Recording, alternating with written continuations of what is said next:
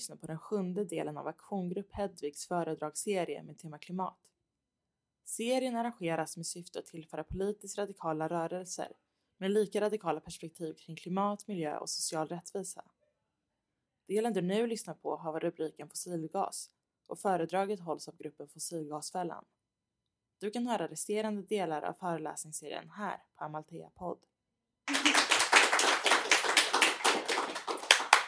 Tack så mycket. Alltså det är jättekul att vara här. Vi kom i stort sett direkt nu från, eh, från tåget. Vi har åkt från Göteborg idag.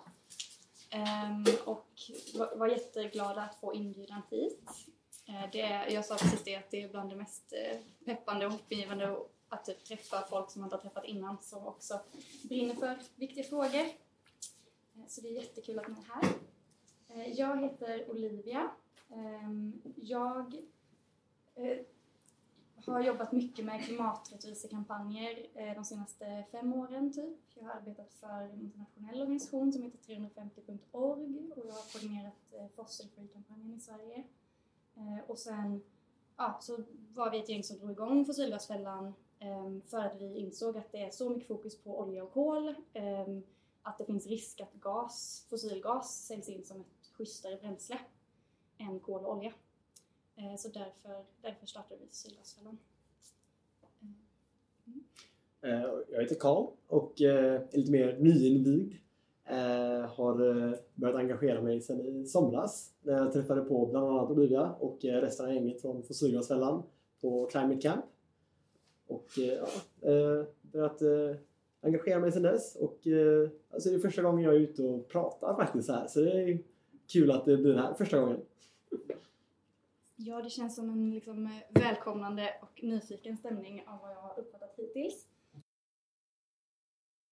Kanske, då kan vi bara dra igenom vad vi ska snacka om. Ja.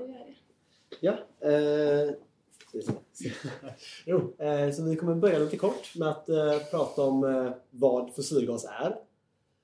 Eh, och eh, sedan varför fossilgasmotstånd är viktigt nu. Och eh, sen kommer eh, Olivia prata mer om eh, Fossilgasfällan och våran kampanj. Och även då i slutet gå igenom lite om läget här i Skåne. Precis, och så tänkte vi också då att på slutet så har vi tid för frågor. Så att om ni har frågor under tiden som är liksom klargörande för att förstå vad vi säger så bara räck upp handen eller avbryt. Eh, men om det liksom är frågor som kan vänta till frågestunden på slutet så vänta gärna eh, så, så samlar vi ihop det i slutet istället. Mm.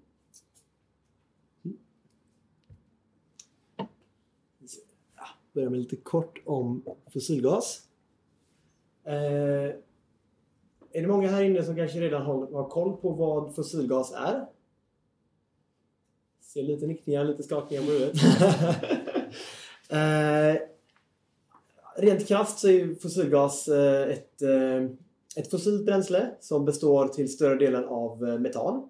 I Sverige så består den fossila, fossilgasen som vi använder i Sverige består oftast av minst 90% metan. Um, ska vi se. Och eh, ett problem med fossilgas är ju som Olivia nämnde i början att det ofta det pitchas ofta som ett renare alternativ till olja och kol. Problemet är bara att man i de beräkningarna utesluter metanets påverkan på växthuseffekten och på miljön. Som sker under utvinning, transport och vid förbränning. Eh, så i, och med att vid förbränning så släpps endast eh, det är omkring hälften så mycket koldioxid jämfört med eh, vid förbränning av kol tror jag. Eh, och, eh, men som sagt, så där räknar man inte med själva utsläppet av metanet som har skett under hela livscykeln. Och metanets påverkan på växthuseffekten har FNs klimatpanel, IPCC, fastslagit vara 86 gånger mer potent som växthusgas än koldioxid. Så det räcker alltså, enligt beräkningar så räcker det att 3% av fossilgasen läcker ut under utvinning, transport och användning för att det ska uppnå samma effekt på, eh, på växthus eh, växthuseffekten jämfört med olja. Och eh, enligt många beräkningar så är det, läcker det ofta ut så mycket som upp till 12 procent under hela livscykeln. Så, eh, så fossilgasens påverkan på miljön kan alltså bli ännu starkare än användning av olja och kol.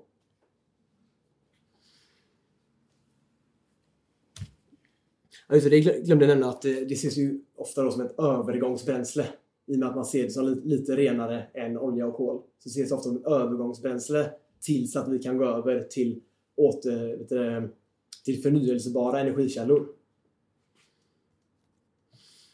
Eh, Eh, vid utvinning av eh, fossilgas så finns det ju två stycken olika sätt att utvinna på. Eh, alltså huvudsakligen, om vi drar upp det grovt i två delar, så vi konventionell utvinning det är mer straight forward. Det är i princip om du borrar ett hål ner i marken och kommer åt en eh, fossilgaskälla som ligger ganska ytligt så kommer det sippra upp ganska av sig själv. Det sipprar upp ganska enkelt. Det, den problematiska typen av utvinning är okonventionell, okonventionell utvinning. Och då pratar vi ofta om fracking. Det, eh, hur många här inne vet vad fracking är för något? Det var ganska många händer där. Ja, det är bra. Det är båda gott. på svenska va? Eller? Mm. Ja, alltså fracking är själva utvinningen ja. och det är ofta skiffergas man... Alltså det är ofta från ansamlingar som man använder fracking för att utvinna gasen som har ansamlats i de här skiffersamlingarna. Så man kan väl säga att man utvinner skiffergas med fracking. Du hoppade för långt där. Uh, ja, så jag tänkte bara dra lite kul bara för att göra det lite interaktivt. Uh, så tänkte jag bara dra igenom några snabba frågor liksom om fracking och se om vi kan bara gissa lite helt enkelt. Nu såg ni säkert första där. Jag såg inte. det är bra. och det, första frågan är alltså hur djupt tror ni man behöver borra för att komma åt många av de vet du, skiffergassamlingarna som man använder fracking för att komma åt? Mm, det är nära. Det kan vara, ska vi säga, det kan vara så mycket som 2,5 till 3 km ner och sen borrar man ofta även cirka 1,5 km i sidled för att komma åt de här samlingarna. Uh, är det någon som har någon aning om vilka typer av material man använder vid fracking? Som alltså pumpar ner i det här hålet som man har borrat. Vatten, sand och kemikalier. Och kemikalier, precis, precis. Ja, det var ett steg före där. Jag blir jätteförvirrad. Precis, vatten, sand och kemikalier stämmer mycket bra. Eh, är det någon som har en gissning på hur mycket vatten som man pumpar ner? Jättemycket. Jättemycket, väldigt bra gissning. Någon som har ett hum? Det är 8 miljoner liter vatten. Per, alltså det, och det här är per gång man utvinner gasen, alltså från varje vet du, varje gasfyndighet. Eh, Någon som vet hur mycket kemikalier man pumpar ner? Gissning? Inte riktigt lika mycket som vattnet som tur är, men... Eh, då pratar vi om 200 000 liter kemikalier pumpas ner i de här hålen. Vad är det för kemikalier? Det varierar lite beroende på vad det är för berggrund och liknande. Men vet du, man pumpar ner kemikalier för att liksom lösa upp i, vet du, i själva skiffret för att det ska bli liksom eh, jag, jag kommer gå in lite på det eh, mer i, i, nästa bild här vad själva poängen med det är. Men blir det på um, varje per alltså per vadå? Alltså per vet du, alltså site så att säga, alltså per eh, ställe, per ställe där man, där man utvinner då. Och kollar man på till exempel USA så pågår det 35 eh, 000 utvinningar. Så årligen där så snackar vi alltså, hade du några siffror på det? Eh, cirka 400 miljarder liter vatten går åt varje år för att utvinna gas genom fracking. Och eh, kollar på kemikalier så pratar vi om säga, 7 miljarder liter kemikalier som pumpas ner. Men vart tar vattnet vägen? Ja, det, jag kommer gå in på det på nästa bild här. Eh, så den här blandningen av vatten, kemikalier och sand pumpas alltså ner i det här hålet som man har borrat. Ner här. Eh, och vid borrningen så gör man även en liten typ av, alltså en liten inte sprängning riktigt, men det är liksom små alltså, säga, boltliknande grejer som skjuter ut för att spräcka berggrunden. Sen pumpar man in det här vattnet, sanden och kemikalierna i det här, den här ledningen som formas efter borrningen. För att liksom spränga upp här så att eh, gasen kan läcka ut ur berggrunden. Och eh, vattnet efteråt var din fråga där va? Vad man gör med det? Mm. Ja. Det dumpas ner i håligheter i marken efteråt. Och eh, det händer ju ofta att eh, de här kemikalierna eh, som man har använt vid utvinningen även läcker ut i berggrunden och in i grundvattnet som förgiftas. Och eh, det har även varit, eh, det har även förekommit att eh, jordbävningar har skett i samband med fracking. I och med att man spränger upp det helt enkelt. Vi ändå, eller vi behöver gå vidare från det här för att hinna med, men när vi ändå snackar om fracking så vet jag att Johan som är här, nu kanske jag pekar ut dig för mycket, men, okej. men har engagerat sig mot just eh, potentiell fracking i Skåne. För ett gäng år sedan så var det väldigt aktuellt. Eh, men är inte längre aktuellt som tur är. Tack!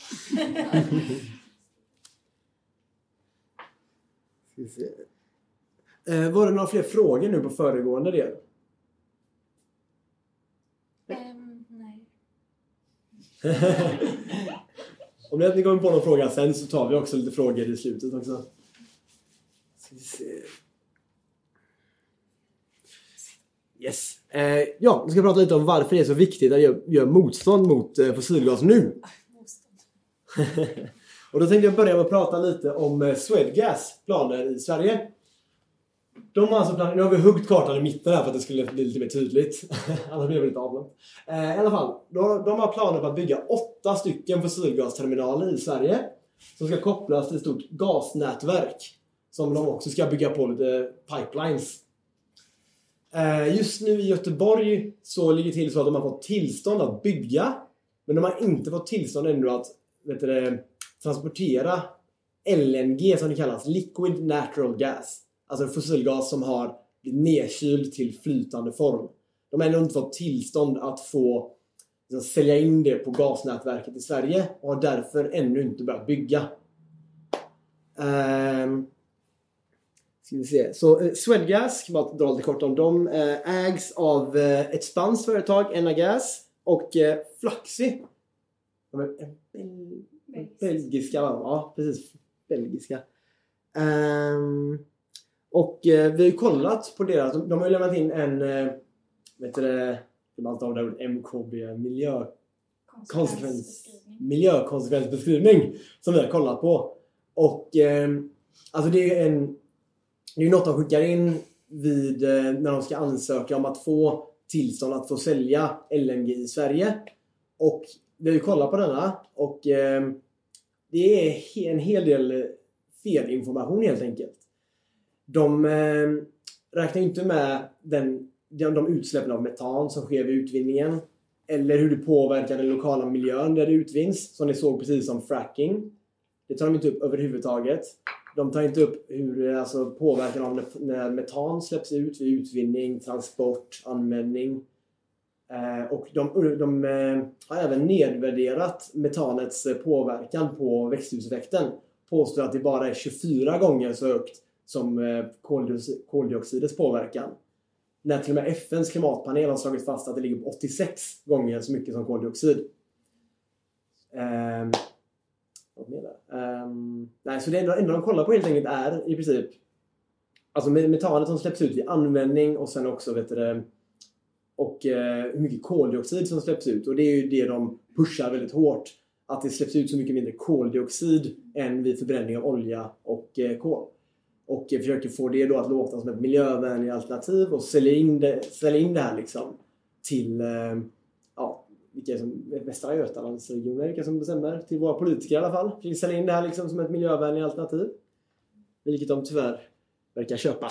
Man kan peka också innan vi går vidare Ja. på att just i Skåne så har vi då, så de som är, det syns inte så tydligt, men det som är visioner det är de som är liksom bara en cirkel med vitt i. Det är framtida och de som är fyllda är sånt som redan finns. Så det, som ni ser är det ganska stor expansion som gäller. Eh, och där är en plan på en ny terminal i Åhus, eh, östra skånska kusten och Helsingborg. Eh, Och där vet vi då att Åhus är liksom den som är mycket mer långt gången. Eh, Så den är mer än en vision, det finns liksom planer och ansökningar. Så det är intressant att nämna också att eh, med alla de här planerna på nya fossilgasterminaler och på pipelines och grejer. Men samtidigt så står bara vet du, det, fossilgas i Sverige just nu står bara för 1,5% av vår energianvändning. Och eh, det har varit mer tidigare men det har sjunkt, eh, sjunkit med 50% sedan 2010. Så det finns liksom inte den här efterfrågan som de försöker pusha. De försöker skapa efterfrågan då, alltså skälet att det ska importeras är då för att ha energi till industri. Så det är, inte, liksom, det här är inte att fossilgas kommer försörja våra hem med någonting utan det är till industrin in, att man ser till fartyg och så som eh, det ligger till i hamnen. Ska vi se. Jo, och eh, det sker mycket lobbying i samband med det här. Just för att, vet du, just för att få... Just för att eh, få politikerna att vilja satsa mer på fossilgas. Så om vi kollar på eh, 2016 till exempel så la, vet du och där tror jag bara var inom Europa, så lades eh, en miljard kronor på lobbying. Enbart, enbart, enbart lobbying. För att få politiker att vilja satsa mer på fossilgas helt enkelt. Det är ju stora företag som sitter med stora resurser och har väldigt mycket, på att, eh, har väldigt mycket att förlora på att vi går över till mer hållbara bränslen. I och med att de har liksom stora vet du, stora företag helt enkelt som vet du, har mycket att förlora på att vi gör den här övergången. Bara, vet ni vilk- eh, om Swedgas lobbar och så fall vilka de anlitar för det? Har ni någon kännedom om det? Så vi har tittat närmare på det och pratat med något som heter Corporate Europe Observatory. Det är de som släppte rapporten också, Ja. de här siffrorna va? Eh, Det är en ny rapport från bara typ några dagar sedan. jag såg den.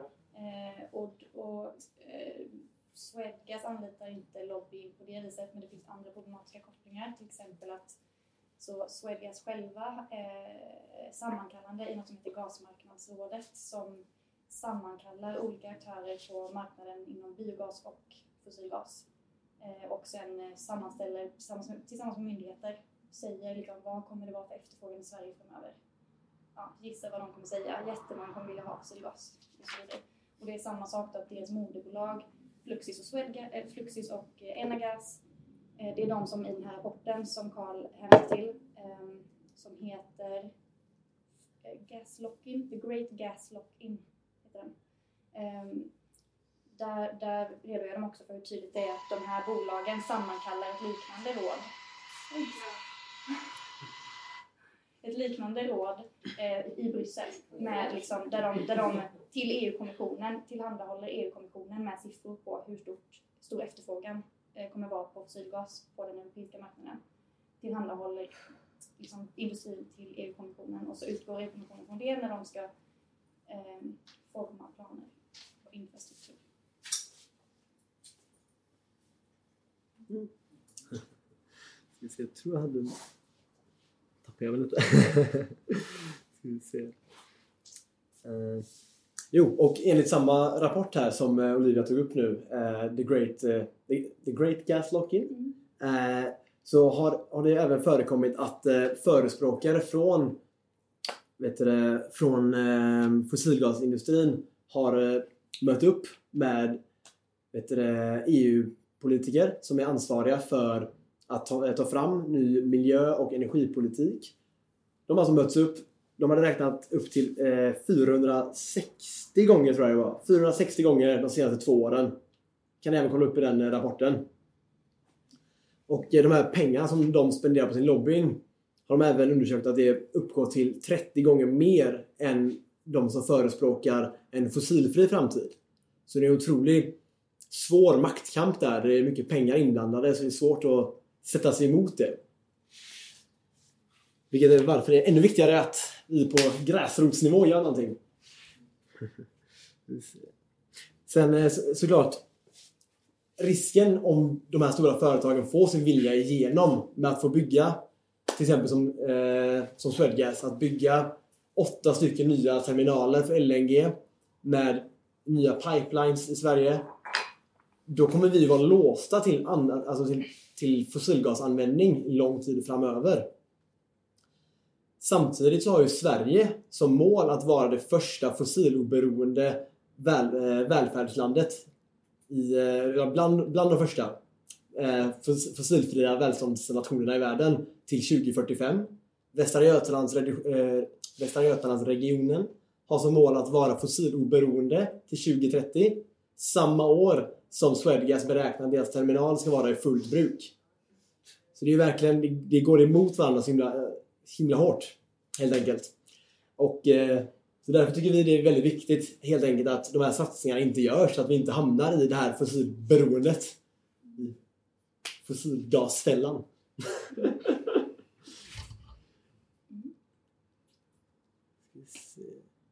Eh, det var det om just om eh, fossilgas och eh, hur, alltså mer hur läget ser ut just nu med det. Är det någon som har frågor på det innan jag eh, skickar ordet vidare till Olivia för att prata om våran kamp? Jag tänkte fråga, de, det känns som att de satsar jättemycket i hela Europa på fossilgas. Och eh, Ryssland, det här stora, den här stora olja, eller gasledningen som går genom eh, Europa också som ska gå. Och sen så försöker, så är de rädda för den så då ska de bygga egna i Spanien. De håller på med en i Spanien, en fossilgas termi, eller ja de håller på där och Midcat. Midcat heter den. Midcat, ja. För att de verkligen stå, satsar mycket på det nu i Europa då. Mm. Och att tydligen så, när jag tror det var Frida som sa det, eh, att eh, lobbyisterna, lobbyisterna på kolsidan, de är väl, har väldigt låg status i EU, men gaslobbyisterna har jättehög status. Så de, ja, de är inne i värmen verkligen. Det är, ju, det, det är ju ett enkelt sätt för politikerna att kunna ses som ganska gröna, miljövänliga samtidigt som- de inte behöver förlora så mycket pengar på det. Att eh, kan fortsätta samarbetet med Och de här så- företagen. Sen kan man också hävda då att ja, men då slipper vi beroendet av ryska, rysk gas hela tiden. Det. Så jag ska bygga det här. För, är det från Azerbajdzjan den går TAP? Mm. Så, som, eh, som ska Den går tas... inte från Azerbajdzjan, den går från Kaspiska havet Så. genom Azerbajdzjan bland annat. Men det kommer du ta med om... Jag kommer snacka lite om det. Jättebra. Men inte så mycket. Eh, ja. Men Jag tänkte på något också i samband med det där att, eh, ja, att jag kommer komma in lite på just det internationella motståndet. Eh, vem var det du, sa du Frida, menar du Frida Arevik då? Ja. Okej. Förlåt, jag bara... För då kommer jag hänvisa lite också till eh, personen. Mm, Alright. Eh, så då ska jag gå igenom lite grann, framförallt då, nu när vi har hört om varför det här motståndet är så viktigt, så ska jag gå igenom ja, hur vårt motstånd ser ut ehm, och, och hur, ja, hur motståndet ser ut och hur vi jobbar. Eh, så lite kort om oss är att vi har bara funnits i ett, mindre än ett år. Eh, jag minns faktiskt inte, jag tror vi släppte kampanjen officiellt kanske i februari i år. Ehm, och här, här är en bild från lite innan det. Vi eh, spånade på hur vi ville att vår logga ska se ut och spånade på vad vi kunde heta och vilka slogans vi kunde använda. Eh, jag tycker det är en väldigt kul bild för det är, som, det är så lätt att glömma bort liksom, hur, man, hur man faktiskt började i bara spån och skisser eh, och middagar. Eh, och vi är nu 15 aktiva i kampanjen. Ehm, vi brukar ses, vi har måndagsmöten varannan måndag och det är liksom vår mest regelbundna plattform och så jobbar vi i olika arbetsgrupper. Så jag kommer prata lite om ja, vad vi har gjort hittills och sen vad vi har för målsättningar, strategier, Eh, lite om just eh, ja, hur vi tar hand om oss i gruppen Eh, och sen går vi över till att snacka collaborations eh, internationellt mellan oss och ehm, ja, Skåne och så. Mm. Så bara för att gå lite snabbt igenom med lite, lite foton. Jag har gjort ett bildspel över grejer vi har hunnit med det här senaste året. Så ni får en liten bild av oss och vad vi pysslar med. Så det här var liksom vår lanseringsmanifestation kanske i mars ungefär. När jag säger datum och sånt nu så får ni ta det med en nypa salt. Eh, men det är ju då, här ser ni, här är vi på södra sidan av Göta älv och eh, på andra sidan är hamnen och de ska bygga terminalen ja, ungefär precis bakom mig. Där någonstans tror jag, eller där. Ehm, mm, väldigt nära stan eh, för att vara Göteborgs hamn så det är smidigt om man vill göra aktioner. Och sen så var vi också med, det här är de mest fotovänliga grejerna jag har gjort också. Jag har inte lika mycket foto på alla mejl vi har skrivit och så vidare. Eh, men det här är då Climate Camp Sweden som vi initierade och eh, drev tillsammans med eh, tre andra miljöorganisationer i somras i augusti. Tre dagar, fyra dagar med workshops och aktionsträningar och hitta på. Så vi avrundade med en demonstration där vi samlades på andra sidan bron, demonstrerade över bron och hade en manifestation här då mittemot där de ska bygga terminalen här borta. Eh, och samtidigt eh, 20 aktivister kanske som, oj, som gjorde en manifestation, en, en kajakaktion eh, i vattnet. Eh, och där fick vi hjälp av eh, Greenpeace, eh, men det var framförallt vi Fossilgasfällan som planerade och gjorde den. Och där uppe ser man demonstrationståget som, som små myror. Vi stannade där och ropade slagord som de hörde där nere och som man hör i livestreamen som de gör nere i kajakerna. Så hör man våra slagord från bron. Det var faktiskt jättekul. Eh, och ja, vi hade en, en jättekul reko på internationella liksom, samarbeten är att den här banderollen, det är ju en väldigt specialgjord grej för att kunna stå emot vind och så. Den är gjord på rådjursnät. Um, och och det, det var en aktivist som vi fick kontakt med som bor i Lund, tror jag, som har varit mycket engagerad mot LNG-terminaler i USA eh, och som därför har lärt sig att göra den här typen av banderoller och som kom upp till Climate Camp så vi hörde av oss till dem i USA, frågade om de kunde tänka sig att ge oss tips. De sa men vi har en kompis som är i Lund och sen så sa han jag kommer. eh, och så höll, han, så höll han hela tiden i en workshop som var pågående i hela lägret där folk kunde komma och hjälpa till och lära sig göra den här banderollen. Superkul, den står på min vind hemma nu. Jag nämnde bara med den aktionen tycker jag också att det blir ganska uppmärksammat i, eh, våran, eh, i, Göteborgs-Posten. Så jag tror det är värt när man gör sådana alltså väldigt speciella eh, aktioner att det kan bli mer uppmärksammat. Även om det inte var jättemånga som såg oss där på vattnet just där och då så blev det många som såg det i tidningen. Det var inte så många som kom fram till er och frågade vad ni gjorde. Inte jättemånga. Ehm, mm. Och sen har jag då samlat bara några foton från möten för att jag försöker ta sådana också så man kommer ihåg att det finns viktigt arbete som sker bakom kulisserna också. Eh, och här är från ett av första möten, där, där kom vi på vad vi ska ha för mål för kampanjen. Eh, här målar vi banderoll inför eh, Climate Camp. Oj, oj, oj. Det var meningen, jag har anonymiserat den. Ehm, men det där är vi utanför en möteslokal. Eh, och sen så har jag då ett par bilder på... Men va? Ja, eh, lite bilder från när vi till exempel här eh, var i Bryssel för några veckor sedan. Eh, vi var på två konferenser i Bryssel för några veckor sedan, ehm, olika av oss, där vi blev inbjudna av eh, den ena var en, en mötesplats för fossilgasaktivister från runt om i Europa. Eh, så det samlades kanske 30-40 pers och snackade eh, gemensamma strategier och, och sådär för liksom, hur fossilgasmotståndet kan vara mer sammankopplat. Och sen var vi också på en strategimöte organiserat av 350.org där det var mer fossilindustrimotstånd och hur kopplar vi ihop kolmotstånd och fossilgasmotstånd och så vidare. Och, så vidare. och den här bilden är från eh, på våra vackra nunor eh, på det, det mötet. Ehm, så vi, vi försöker liksom se till att vi är eh, connected. Skippa den. Och ett exempel också är ju, det här är en bild från Ende Gelände en kolgruveockupationsaktion som händer ganska ofta i Tyskland, typ en gång om året. Och Maria i kampanjen är där just nu, höll jag säga, på väg hem på en buss förmodligen, just nu. Eh, ihop med många av era vänner misstänker jag, som brukar hänga här. Eh, så just apropå att liksom försöka knyta samman se till att, att motstånden hänger ihop. Eh, och att vi visar solidaritet med varandra, inte minst. Och sen har jag liksom bara några snabba bilder på lite media. Ja, vi har fått mediegenomslag också i stora och små tidningar. Um, och det är ju alltid kul. Eh, det, det är då man känner så här, det är då det är tydligast och enklast att känna att man har lyckats med någonting kan jag ofta känna. Um, men samtidigt så känner jag också ofta att eh, till exempel ett climate camp där man märker hur glada människor är och hur starka människor är när de går därifrån. Eh, hur, hur mycket mer värdefullt det också är när vi stärker varandra också på den här typen av mötesplatser. Mm, men jag vill ändå få in det. För det, de som pysslar med media i vår kampanj är så himla grymma också. Mm, eh, så lite kort tänkte jag då fokusera på hur vi, hur vi nådde dit där vi är nu. Um, och då börjar jag med att prata lite om hur vi, vår, vårt arbetssätt um, och sen mål och strategier och sen de internationella samarbetena. Uh, och här har jag inte så jättemycket att säga mer än att, att det här är en väldigt viktig grej för mig.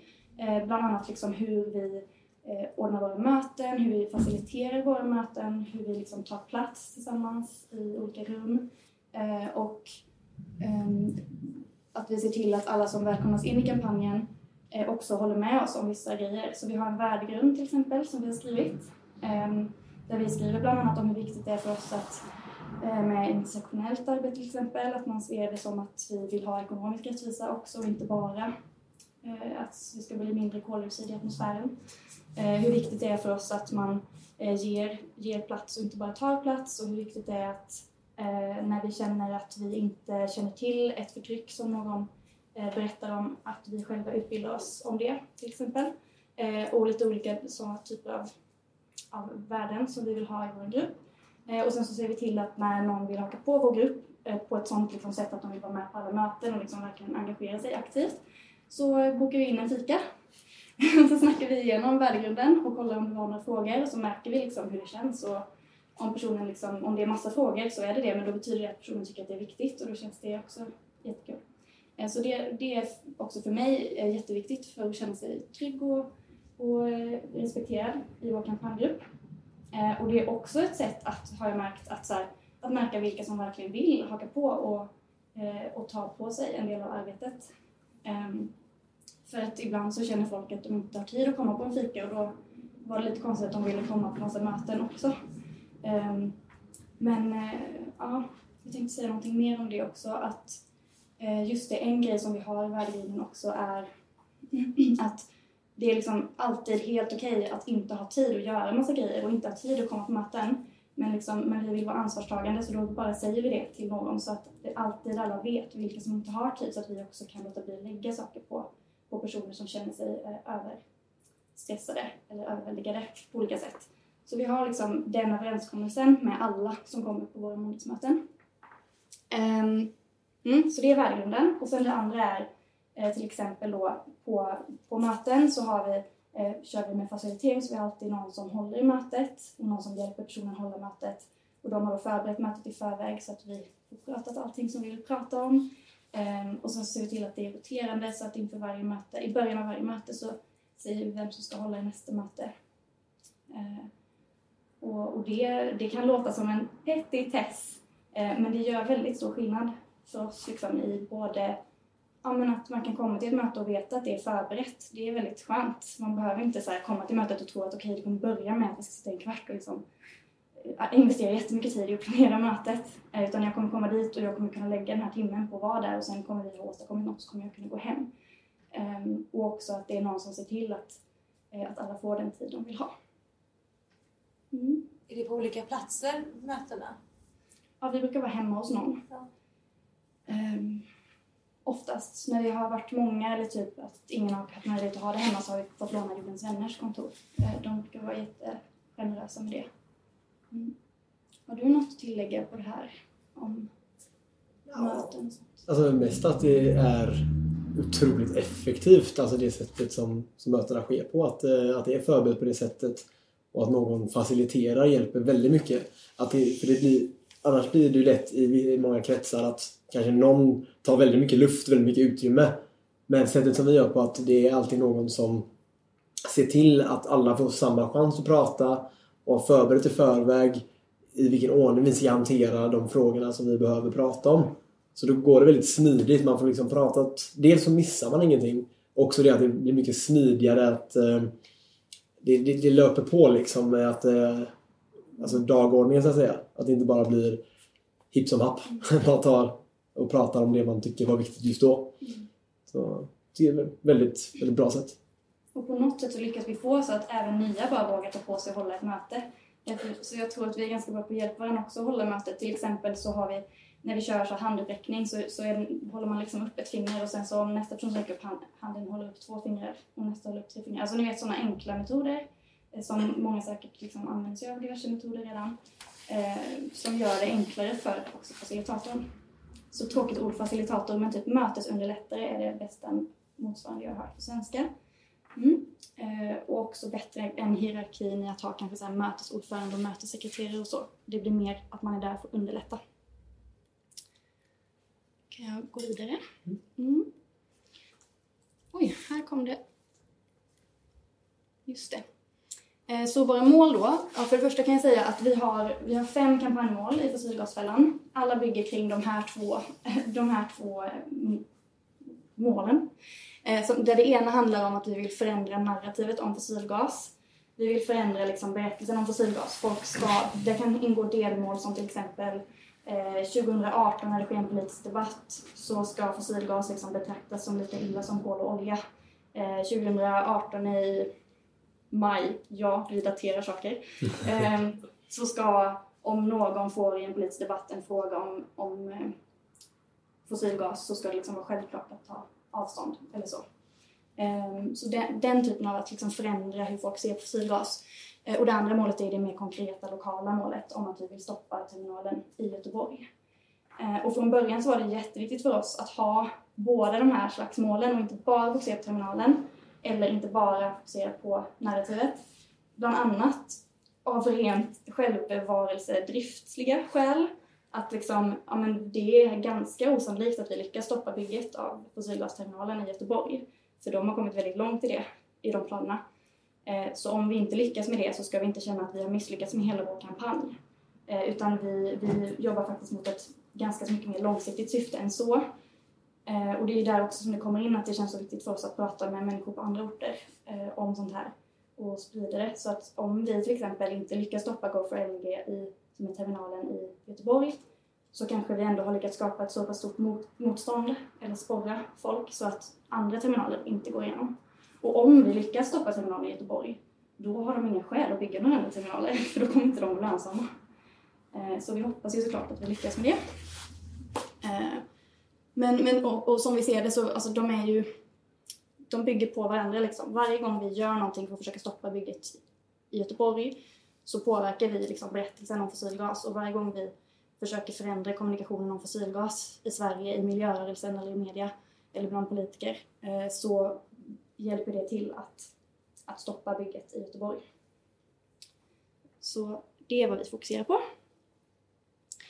Eh, Och hyfsat tidigt i kampanjen eh, så när vi liksom snackade strategi.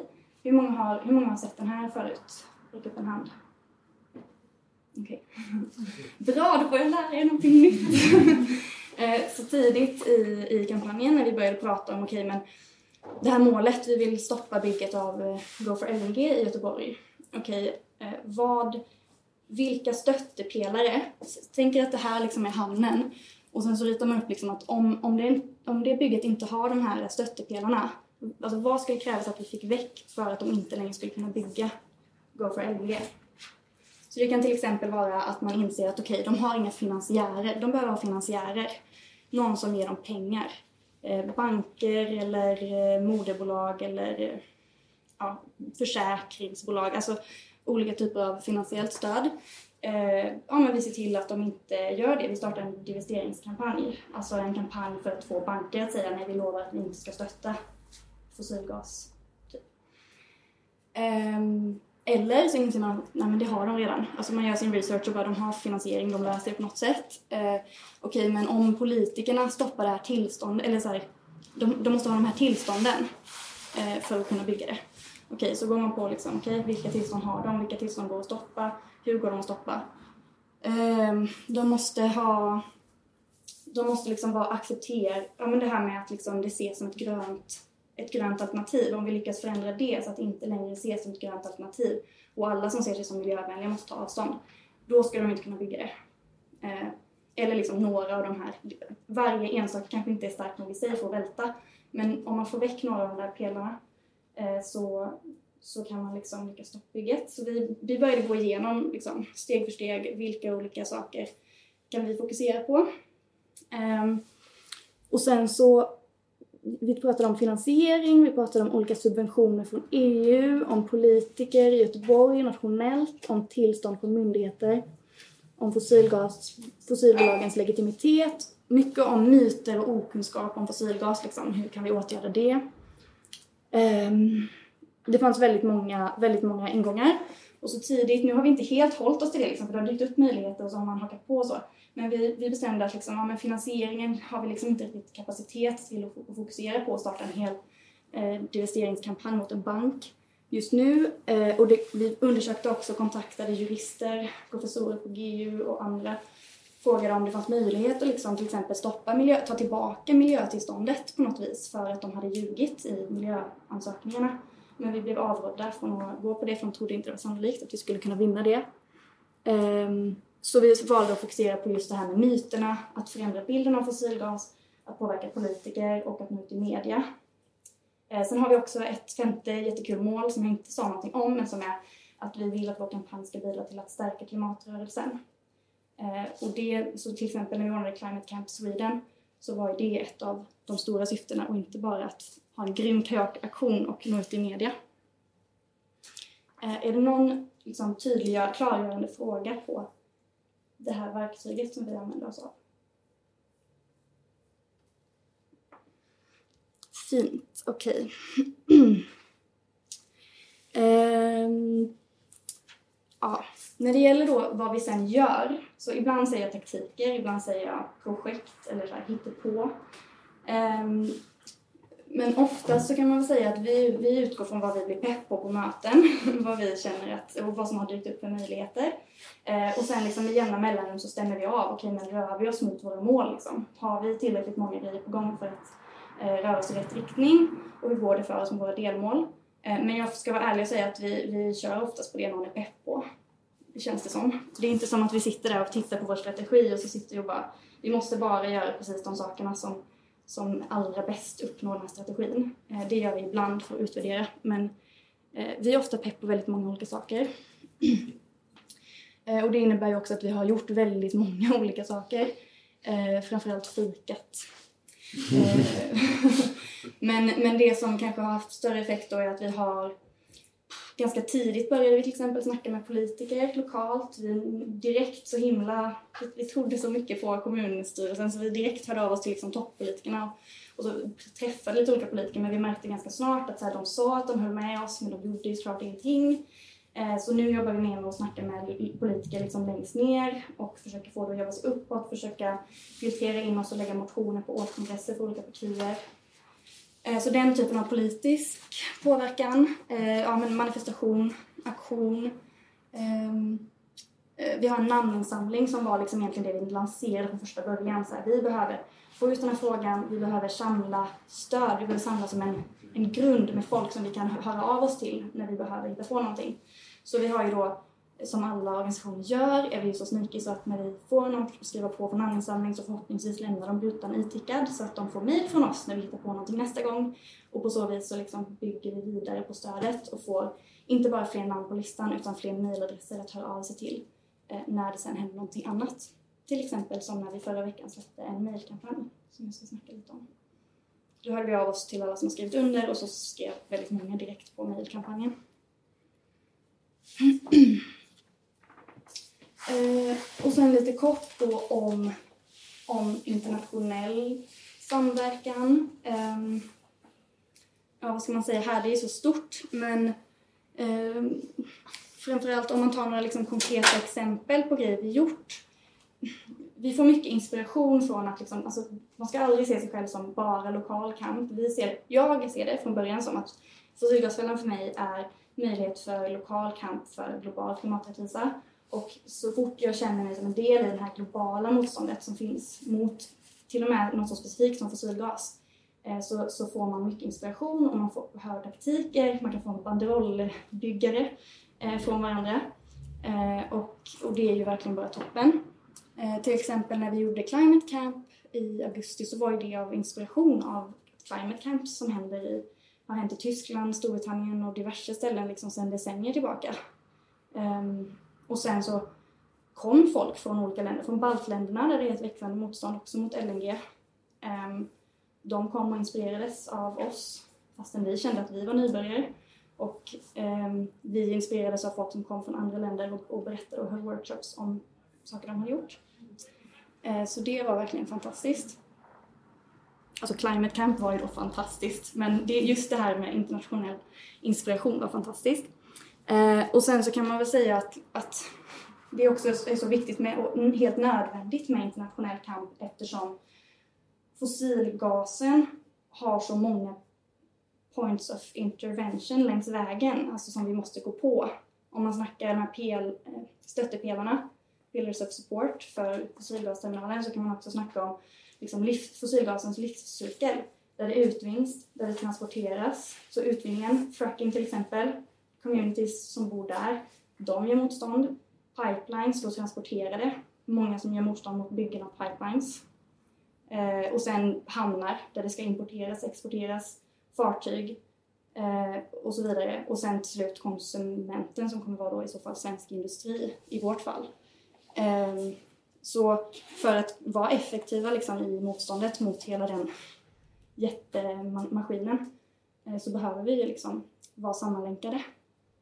Um, så ett exempel på det då är, um, du sa att det kommer byggas nya pipelines och det kommer ske i södra Europa.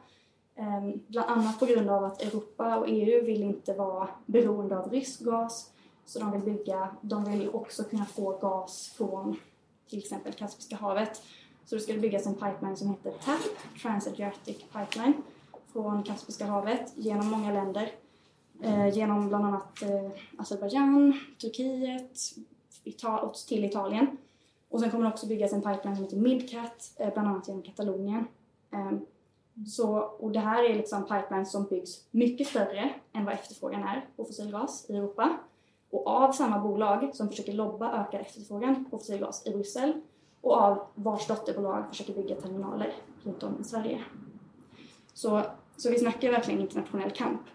Eh, och där kommer då jag in på ett specifikt exempel samverkan som man gärna får haka på på olika sätt. Eh, den 14 november, vad blir det, nästa vecka på tisdag. Mm. Eh, då är det, kommer det vara som en europeisk solidaritetsaktionsdag eh, med, no, med TAP-motståndet som ofta använder hashtag NoTap. Eh, och skälet till att den där bilden är där är för att vi i Göteborg tänker göra en ljusgraffiti-manifestation eh, där vi ska stava de budskap som eh, några internationellt har bestämt att vi alla ska försöka hålla oss till. Så vi ska bland annat göra den typen av bild fast med den här hashtaggen och med Not here, not anywhere. Och försöka få liksom, ja, men bygga solidaritet för människorna som som den 14 november eventuellt kommer utsättas för att det, att det byggs, eh, det börjar byggas den här pipeline i södra Italien. Så på klack, Italiens klack eh, så finns det ett område där, det, där liksom pipelinen som kommer från Kaspiska havet ska gå i land och kopplas an till det europeiska gasnätet. Så de människorna som är där, det, det kommer drabba dem väldigt hårt på olika sätt eh, och de är just nu liksom den största punkten av motstånd som verkligen hindrar den här pipelinen från att färdigställas. Och den 14 november så kommer EIB, European Investment Bank, eh, att fatta ett beslut, förmodligen om ett möte då, om ett megalån, deras största lån någonsin till ett infrastrukturprojekt som ska gå till TAP. Och om det godkänns den dagen så är risken att samma dag eller nästa dag eh, att bygget påbörjas. Eh, och då är deras erfarenheter där att polisen kommer vara väldigt hårdhänt mot byn där det händer. Och, och byn har därför haft hela sommaren och även as we speak så patrullerar de eh, området där de, den här pipeline går i land eller den, där den ska byggas. Eh, de patrullerar skogen och så vidare och för att se om några maskiner börjar röra på sig eller om polisvans börjar rulla in. Så det kommer vara en dag av internationell solidaritet. Eh, och sen i samband med det så hoppas vi då kunna knyta an till, alltså kanske publicera debattartiklar och så vidare om liksom hur vi måste stoppa cykelterminalerna i Sverige. För att om de inte kan importera det hit så var, alltså det är ju ett skäl att inte bygga pipelines. Eh, så det är liksom vårt konkreta sätt att stötta, är ju att faktiskt stoppa infrastrukturen här. Mm, så det händer den 14 november. Några frågor på tapp? det, det finns jätte, jättemycket att säga om det verkligen. Man skulle kunna hålla en föreläsning som bara om TAP och varför det är så fruktansvärt viktigt att stoppa den pipeline. Eh, Men, man, men som jag sa, alltså det är verkligen kopplat. Det är, många är samma bolag som ligger bakom det här, som ligger bakom projektet i Sverige.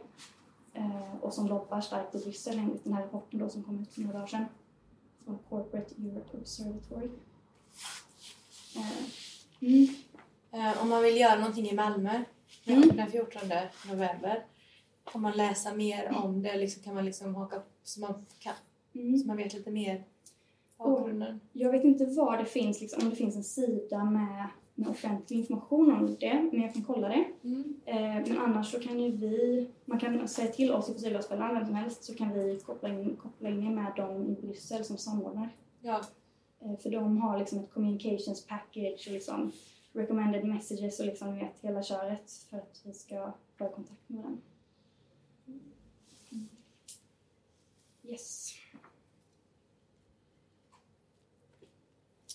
Så jag tänkte säga, ja, jag vet inte hur vi ligger till i tid. Oj, hon är redan fem över åtta. Eh, hur brukar ni köra tidsmässigt? Vi avrundar. Mm.